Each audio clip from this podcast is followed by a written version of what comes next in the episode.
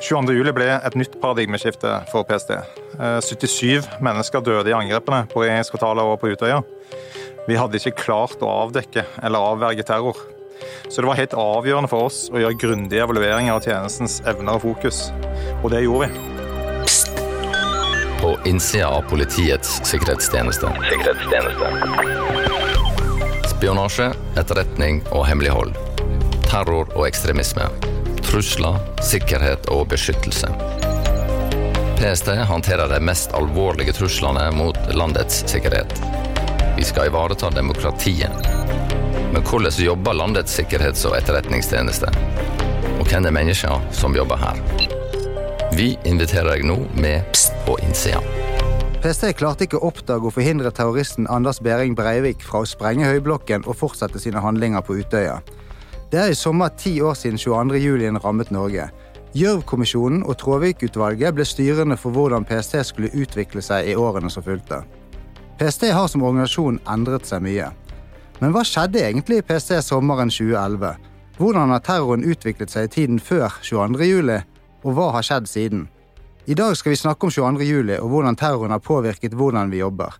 Med oss i studio i dag har vi stabssjef i PST, Erik Haugland. Jeg heter Martin Berntsen og jobber med kommunikasjon i PST. Kan ikke du fortelle litt om deg selv? Ja, jeg heter altså da Erik Haugland, og jeg har uh, jobbet i PST siden 1999. Uh, eh, jeg har jobba med ulike deler av den operative tjenesten vår, uh, og innenfor fagfeltene høyreekstremisme, terrorisme og kontraetterretning. Og i dag så jobber jeg som stabssjef, som du var inne på. Hva vil det si å være stabssjef? Stabssjef er en stilling som innebærer ulike oppgaver i normalsituasjon og i krise. I normalsituasjonen er min oppgave å sørge for at PST har evnen til å løse oppdraget i krise. Og En krise det kan være alt fra ikke-villede handlinger, som eh, det vi står i nå, pandemi, brann i bygningsmassen vår og ja, f.eks. nedetid på eh, kritiske eh, dataløsninger. Det kan være villede handlinger, som f.eks. terror eller etterretningsoperasjoner. Så Det aller viktigste oppgaven for en stabssjef er å sikre at organisasjonen kan håndtere disse krisene. Og Da må det foreligge planer som fungerer, og som de ansatte kjenner til og har øvd på. Og Det er der vi, der vi kjenner igjen begrepet 'å sette stab'. Og Et eksempel på når man setter stab, er f.eks. en terrorhandling på norsk jord.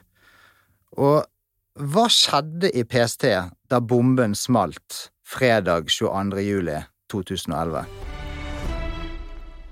Ja, da ønsker vi god kveld og vel møtt til eh, Dagsrevyen. Ja, situasjonen i Oslo er veldig uoversiktlig for politiet. og Politiet ber folk holde seg unna sentrum og unngå store folkemasser. Mm, men like etter det som skjedde i Oslo sentrum ved regjeringskvartalet, kom det meldinger om skyting på AUFs eh, leir på Utøya i eh, Buskerud. Dette er altså AUF sin sommerleir. Reporter Astrid Randen er der. Det er meldinger om at folk har blitt skadet av en desperado med skytevåpen. Hva mer vet du? Ja, dette skjedde jo midt i fellesferien, og det, det er jo noe som òg merkes i uh, Nydalen. Så antallet som var fysisk til stede, var betraktelig færre enn en vanlig arbeidsdag. Men uh, så snart nyheten om eksplosjonen i regjeringskvartalet begynte å spre seg, så ble PST-bygget fulgt opp av ansatte som enten var kalt inn til tjeneste, eller som rett og slett bare møtte opp på eget initiativ. Jeg tror at de ansatte i PST føler et veldig sterkt for eh, samfunnsoppdraget vårt. Og når noe sånt skjer, så er det et sterkt ønske om å få lov til å bidra.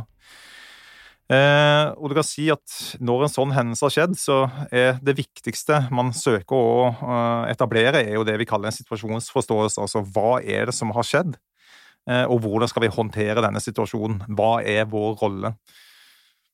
Fordi at rollen til politiet og andre redningsmannskaper er jo mye mer synlig. Mens eh, selv om ikke nødvendigvis PC sitt arbeid er like synlig i slike situasjoner, så foregår det et arbeid på høygir innenfor murene hos oss. Ja, det gjør det. Og noe av det vi skal bidra med, er jo nettopp å bidra til å oppklare hvem er det som kan stå bak er det fare for ytterligere angrep, og uh, iverksette de verktøy og tiltak som vi kan iverksette som en etterretnings- og sikkerhetstjeneste. Eh, hva, men hvis du går tilbake til den dagen, helt konkret, hva tenkte du da det var klart utover kvelden den eh, fredagen. Hva tenkte du om PST og terroraksjonen? Hadde vi gjort jobben vår? Det, første jeg tenkte, og det tror jeg det var veldig mange som tenkte, det var at nå har vi svikta. Eh, for det er vår oppgave. Det er vår oppgave 24-7, 365 dager i året, å sørge for å forebygge og avverge terror, bl.a. terrorhandlinger i, i og mot Norge. Så, så, det eh, var noe av det jeg tenkte på. I tillegg så gikk jo selvfølgelig mine tanker òg til alle de etterlatte, etter, altså både de som var ramma og de etterlatte etter, etter, terroren. Det gjorde et veldig inntrykk, eh, det som skjedde 22. juli. Hvordan forandret 22. juli PST? 22. juli ble et nytt paradigmeskifte for PST. 77 eh, mennesker døde i angrepene på regjeringskvartalet og på Utøya. Vi hadde ikke klart å avdekke eller avverge terror. Så det var helt avgjørende for oss å gjøre grundige evalueringer av tjenestens evner og fokus, og det gjorde vi. Eh, jeg kan si at PST utvikla seg i større grad fra å være en, en sikkerhetstjeneste til å bli en etterretningstjeneste. Eh, Gjørv-kommisjonen påpekte jo flere mangler i samfunnet, politiet og PST, og Tråvik-utvalget, som evaluerte PST, kom en rekke forbedringspunkter, og alt dette her førte til store endringer, både organisatorisk og på måten som vi jobba på. I ukene etterpå så ble du satt til å lede en gruppe som gjorde noe litt spesielt i tiden etterpå. Kan ikke du fortelle litt om den enheten som ble nedsatt i PST da? Ja, vi eh, satte ned en egen enhet som skulle eh, jobbe ut og undersøke bl.a. hvorvidt uh, deler av det som sto i manifestet medførte riktighet, og da var det særlig fokus på celle to. Det var fokus på hvorvidt uh, gjerningspersonen var en del av et større nettverk eller ikke. Og det gjorde vi gjennom både analysearbeid, vi gjorde det gjennom oppsøkende arbeid, og vi gjorde det gjennom internasjonalt samarbeid. Vi snakker jo ofte om at vi, vi definerer en trussel som en intensjon, og en kapasitet, og det utgjør en trussel. Har du intensjon og at du ønsker å sprenge noe, men du har ikke noe sprengstoff, så er du sånn sett ikke en trussel, for du har ikke noe kapasitet. Og, eller omvendt, at du har en bombe, men du ønsker ikke å bruke den. Eh, I det perspektivet, hvordan var det vi jobbet da? Og hvordan er det vi pleier å jobbe, og jobbet tidligere? En av de si, tingene som har vært mye omtalt i media, er jo Eh, de såkalte Global Shield-listene, altså disse listene med personer bosatt i Norge som hadde handla ingredienser som kunne brukes til å fremstille sprengstoff. Eh, og når det da ble klart at eh, denne gjerningspersonen òg hadde handlet ingredienser fra to selskaper i utlandet via internett, så eh, gikk vi eh, gjennom alle eh, Altså vi gikk gjennom lister og fant alle personer bosatt i Norge som òg hadde handlet med disse selskapene, blant annet. Det er, som du sier, en opplisting av mulig kapasitet. I tillegg til det så hadde vi òg gjort en del Eh, undersøkelser på diverse nettforaer hvor nettopp dette med fremstilling av sprengstoff var tema, og hadde da satt opp prioriterte lister av personer vi ønska å oppsøke for å avdekke hvorvidt de i tillegg til den potensielle kapasiteten, om de hadde intensjon. Vi hadde ikke tid da til systemet å gå igjennom og vurdere Eh, på avstand hvorvidt det kunne foreligge en invitasjon, den ønska vi så raskt som mulig å avklare ved å rett og slett banke på dører, se folk i øynene og i, i flere tilfeller beslaglegge ulovlig, i noen tilfeller sprengstoff. Ok, Men fant dere noen terrorister? Vi fant ikke noen som vi da eh, kan si hadde terrorforsett, men vi fant mye som bekymrer oss. Eh, og eh, vi kan jo eh, ønske å understreke at mye av de samme ingrediensene man kan bruke til å fremstille sprengstoff, brukes òg til fremstilling av pyroteknikk, altså fyrverkeri, hjemmelaga fyrverkeri. Og det kan òg brukes til fremstilling av narkotika. Så at vi var ute og fant en del både pyroteknikk. Vi fant ulike grad av ferdig fremstilt sprengstoff, og i noen tilfeller eh, narkotikaproduksjon. Og hva gjorde, hva gjorde, vi med de opplysningene? Nei, vi hadde et samarbeid med ordinært politi, vi hadde et samarbeid med Kripos. Eh, og jeg tror òg at den aksjonen vi gjennomførte der over hele landet, den bidro til å forebygge eh, en del alvorlige hendelser. Eh, blant annet så var det noen som hadde fremstilt eh, TATP, altså et uh, veldig ustabilt, volatilt, egenprodusert sprengstoff med stor virkning, som var fremstilt i en sånn emballasje for kyllingfilet. Dette var ting som de åpen, altså la ut åpent på forer og tok bilder av og viste hvordan de som hadde fremstilt dette, og hvilken kvalitet de hadde lykkes med å få. Eh, og i noen tilfeller så, så eh, tror vi Altså, vi hadde jo blant annet eh, personer som, som fortalte oss at dette var noe de var klar over hadde gått for langt. Også den interessen som i utgangspunktet var nysgjerrighet knytta til pyroteknikk, hadde tatt overhånd, og, og, at det var kanskje på tide å avslutte den litt usunne hobbyen. Ja, Men hvem, hvem, var det som dette? Var det menn eller kvinner, unge, gamle? Hvem, hvem er det som driver med denne hobbyen? I all hovedsak så er det gutter, menn. Eh, ofte i slutten av tenårene, 20-30-årene, som, eh, som iallfall når det gjelder dette med fremstilling av pyroteknikk og, og forsøk på fremstilling av sprengstoff. Men eh, du, sier, du snakket om at vi samarbeidet med andre land, utlandet. Kan du si litt mer om det? Ja, uh, uten å gå inn på konkret hvilke land vi samarbeider med, men uh, det var ingen tvil om at i manifestet til gjerningspersonen så pekte han i retning enkelte land og enkelte personer som han ga en beskrivelse av både uh, historikk på og og eh, hvilken kapasitet eller erfaring de hadde, som gjorde det naturlig for oss å, å gå i eh, sånne bilaterale diskusjoner og, og møter med, med, andre land. Og det gjorde vi. Eh, jeg var selv ute og besøkte eller hadde møter med andre lands tjenester, og, opplevde en stor grad av åpenhet eh, og, og samarbeid Eh, noe som òg medførte at vi raskere kunne komme fram til den konklusjonen at eh, her dreier det seg nok ikke om en person som har handla på oppdrag for noen andre enn seg selv, eller i samarbeid med andre. Mm. Eh, før sending i dag så eh, spurte jeg deg om eh, vendepunkter i PST. Har vi hatt noen vendepunkter, eller kanskje så sterkt som paradigmeskifter? Så spurte jeg deg om 11. september, altså 20 år siden, det pekte vi på som et vendepunkt for tjenesten, og vi pekte på 22. juli. Så for å sette det litt i perspektiv, for du, du jobbet jo faktisk i POT den gangen, da, som skiftet navn til PST i 2002. Eh, kan du si litt om hvordan så POT slash PST ut for 20 år siden? Og hvordan utviklet organisasjonen seg frem mot 22. juli 2011? Ja, og det er litt interessant, eh, fordi at i, eh, når jeg starta i 1999, så, så, var POT, eller PST som det heter nå, eh, det var en eh, sikkerhetstjeneste som i stor grad hadde fokus på etterretningstrusselen. Det vil si, det var ikke ene og alene den vi fulgte med på. Åpenbart fulgte vi òg med på terrortrusselen. Men da var de store utfordringene i Europa og i Vesten dreide seg i stor grad om andre lands utfordringer, altså regionale separatistiske bevegelser, sånn som IRA og ETA, eh, e eh, irske og baskiske eh, separatistterrororganisasjoner. Og for så vidt også organisasjoner i Midtøsten som gjennomførte attentater og operasjoner mot sine politiske motstandere på europeisk jord.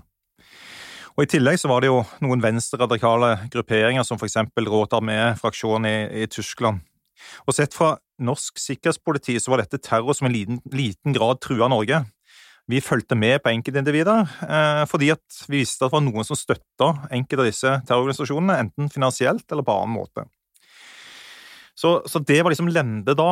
Dette var eh, eh mer et eh, problem for andre, eh, som vi var indirekte påvirka av. Men på midten av 90-tallet så opplevde vi i Skandinavia og i, i, Norge at det var en oppblomstring av høyreekstremisme. Da hadde de flere konkrete bekymringer retta mot personer som oppholdt seg i Norge.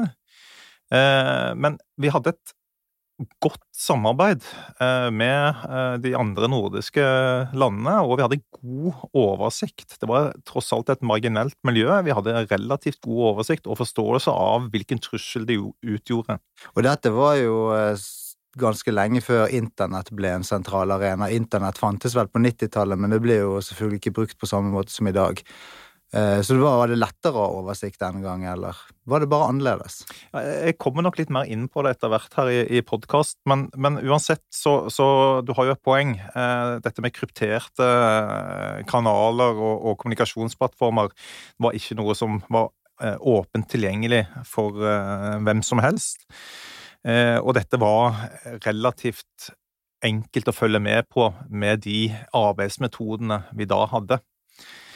Eh, så snakker du om dette her med har vi hatt noen paradigmeskifter, og 11. september var definitivt et paradigmeskifte for hele den vestlige verdens etterretnings- og sikkerhetstjeneste. Terroranslag mot USA. Flere amerikanske bygninger brenner og er evakuert. Til sammen tre fly har krasjet i New York. Hele konseptet global jihad innebar at vi i Norge ble inkludert i et fiendebilde til ekstreme islamister. Og de tunge symbolangrepene retta mot altså verdens klart sterkeste militærmakt på amerikanske jord, det viste jo at selv enorme etterretningsorganisasjoner ikke var i stand til å avverge den nye typen angrep. Og det medførte store endringer i så vel sikkerhets- og etterretningstjenester som i samfunnet for øvrig. Og det medførte òg store endringer for PST. Så jeg vil ikke si at vi fikk et fokus som var utelukkende retta mot ekstrem islamisme som ideologi, men at vi hadde en internasjonal terrororganisasjon som hadde som intensjon og kapasitet å ramme vestlige land, og Norge, det ga et klart tyngdepunkt for hvordan vi jobba framover.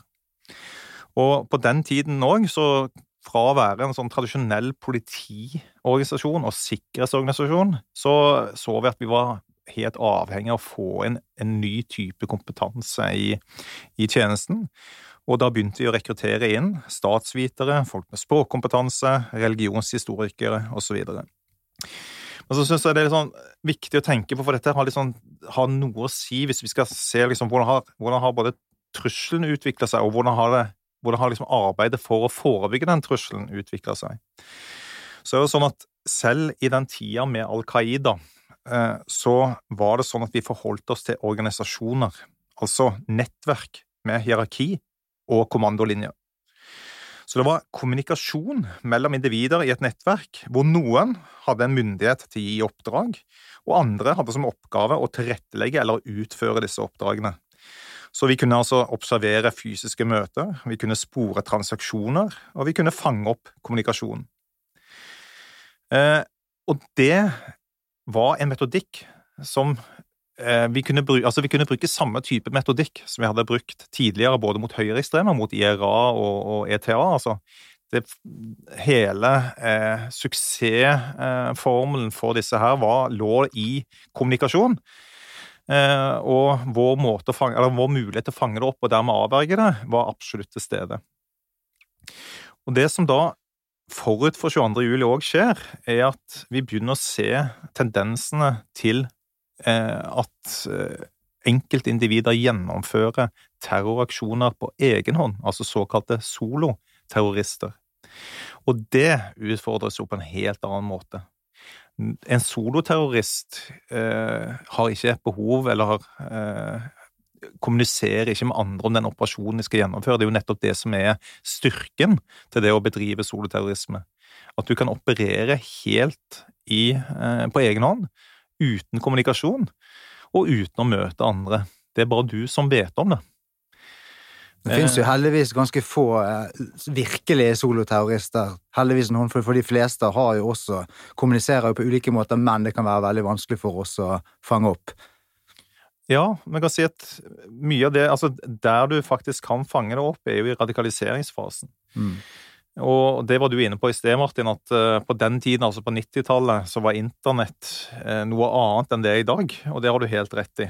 Internett i dag er jo noe helt annet, med et helt annet eh, innhold. Og det ser vi òg av disse større sentralstyrte organisasjonene som IS, Al Qaida og, og høyreekstreme miljøer mm. bruker internett og sosiale medier på en helt annen måte for å spre sin propaganda. Og Det fører til at folk kan sitte eh, alene og bli radikalisert. Eh, og uten å kommunisere med andre gå fra å være radikalisert til å gjennomføre en terrorhandling på relativt kort tid. Mm. Eh, du hadde jo da eh, en del Al Qaida var jo ganske aktiv da også i årene etter 2001. Jeg tenker da på Madrid i 2004 mot jernbanen der. Jeg tenker på London på det bussangrepet eh, og de eh, undergrunnsstasjonene i 2005. Og da ble det også et veldig fokus på dette med sikkerhet. Altså hvordan sikre oss mot et terrorangrep. Og det var også veldig fokus, husker jeg selv, i, i media også. Hva er liksom topp ti-mål eh, i Norge? Har du noen tanker rundt dette med å sikre seg mot terror? Altså, Norge og de fleste vestlige land er åpne samfunn. Mm. Hvordan eh, kan man sikre seg at det skal være vans så vanskelig som mulig for en terrorist å gjennomføre et angrep? Det er jo et utrolig stort spørsmål. Eh, så altså, Du kan jo starte med at det er viktig å sørge for at folk, eh, altså det enkelte individ, ikke eh, faller utenfor. Oppfølging under Altså i, i, gjennom hele skolegang av det å fange opp eventuelle eh, endringer i atferd. Eh, men hvis vi skal gå mer liksom, på konkret hvordan sikre bygg, hvordan sikre sikre eh, de myke mål på, på, områder hvor flere mennesker oppholder seg, eh, som sikkert er det kjernen i det spørsmålet du stiller nå, så, så er det, det, det er ulike måter å gjøre det på. Eh, og det ser vi at det løses på ulike deler, eh, eller på ulike måter eh, i, i, eh, ja, i Europa òg hvor noen land faktisk gjør en uh, sånn vurdering som du sier. Hva er de 10, 20, 50, 100 uh, mest sårbare eller uh, symboltunge målene våre? Og så setter de ut væpna vakthold, ofte politi, på de stasjonær, altså stasjonær uh, vakthold. hvilket da på en måte kan si at det trygger disse stedene, men er en utrolig lite ressurseffektiv måte å løse et oppdrag på og møte en trussel som sannsynligvis ikke kommer til å materialisere seg. Altså Sjansen for at noen hadde tenkt å ramme akkurat den bygningen, er relativt liten. Så det er en måte å gjøre det på. En annen måte å gjøre det på er jo å eh, etablere såkalte sikkerhetssoner, hvor man mener at den delen av byen eh, skal eh, ha en rask respons tilgjengelig for å kunne slå ned på et eventuelt angrep. Altså dette med å motvirke angrepet når det først har starta. Da erkjenner man at man faktisk ikke alltid greier å avdekke og avverge at angrepet skjer men man eh, ønsker å kunne slå ned på det så raskt som mulig hvis og når det skjer. Og Det er litt eh, sånn som britisk politi, som i utgangspunktet er ubevæpna, men som har da eh, ressurssterke, si, bevæpna eh, politi som eh, på kort tid kan settes inn i ulike deler av storbyene. Mens i Norge så, så opererer vi da med en til tider eh, fremskutt lagring av eh, våpen i bil. Og det er fordi vi mener at det å kunne ha lett og rask tilgang til våpen når trusselen er på det nivået vi er nå, eh, er det riktige tiltaket. Så vi snakker om å iverksette tiltak som reduserer risikoen til et akseptabelt nivå, hvor det likevel ikke skal være så synlig at man føler eh, at man er eh, i en situasjon som er verre enn man faktisk er i. Mm. Nei, du peker jo på en, på en utvikling frem mot eh, 2011, og så har jo Så vet jo de fleste hva som har skjedd etterpå med, med ISIL og de hva skal man si, de angrepene som sånn sett ikke har vært storskala angrep, men det har vært flere mindre angrep med, med, håndvåpen, men som har skapt vel så mye frykt og død og ødeleggelse, det også. Men kanskje ikke av de dimensjonene man så for 20 år siden. Eh, og da, da, nærmer man seg kanskje litt sånn eh, Kanskje enda vanskeligere spørsmål. Hva, hva tror du vil skje i, i fremtiden? Hvordan vil terroren utvikle seg, og hvordan vil vil eh, sikkerhetstjenestene måtte jobbe i årene fremover? Ja, det, og det er jo det spørsmålet vi eh, må og skal, og heldigvis stille oss omtrent daglig. Hvordan vil denne trusselen utvikle seg? Hva er mest sannsynlig scenario? Hvordan skal vi sørge for at vi greier å avdekke morgendagens terrorhendelse? Og det ingen tvil om at vi eh, ser at digitaliseringen gjør at eh, det er stadig mer krevende. Det er tilgang på mer krypterte løsninger. Det er en radikalisering som foregår på internett, som gjør at vi som tjeneste òg må sørge for at vi er eh, med på, den teknologiske utviklingen, og at vi klarer å følge opp og eventuelt fange opp radikalisering. Vi er òg helt dønn avhengig av at vi har andre som òg er med og følger, følger med på individer, følger med på diskusjoner og gir oss tips om det som kan virke som å være en bekymringsfull utvikling. Vi har jo pekt på ulike typer trusler som vi mener er aktuelle nå. Eh, ekstrem islamisme er fremdeles en trussel vi tar på det største alvor, som vi mener er en eh, trussel som kan materialisere seg. Vi peker òg på høyreekstremisme, med særlig da akselerasjonismen, som vi er bekymra for. Eh, og hvordan vi skal sikre oss mot disse truslene her, det, det må vi gjøre gjennom mange ulike tiltak. Noen tiltak går på Eh, individnivå, og noen tiltak går på altså mer fysiske sikringstiltaksnivå. En av de tingene som vi har lært, er jo eh, at morgendagens terrorhendelse er ikke lik dagens terrorhendelse. Altså Det er jo det at du, du vil aldri ja. få altså Det vil stadig utvikle seg. Mm. For å oppsummere, da, så man, kan man jo si at terrorismen alltid vil være opportunistisk i den betydning at de ser etter muligheter de kan utnytte for å gjennomføre sine handlinger. Så eh, da gjenstår det bare å takke for deg, Erik. Takk, takk. Ser du noe, si noe. Men bruk sunn fornuft. Kontakt oss på pst.no.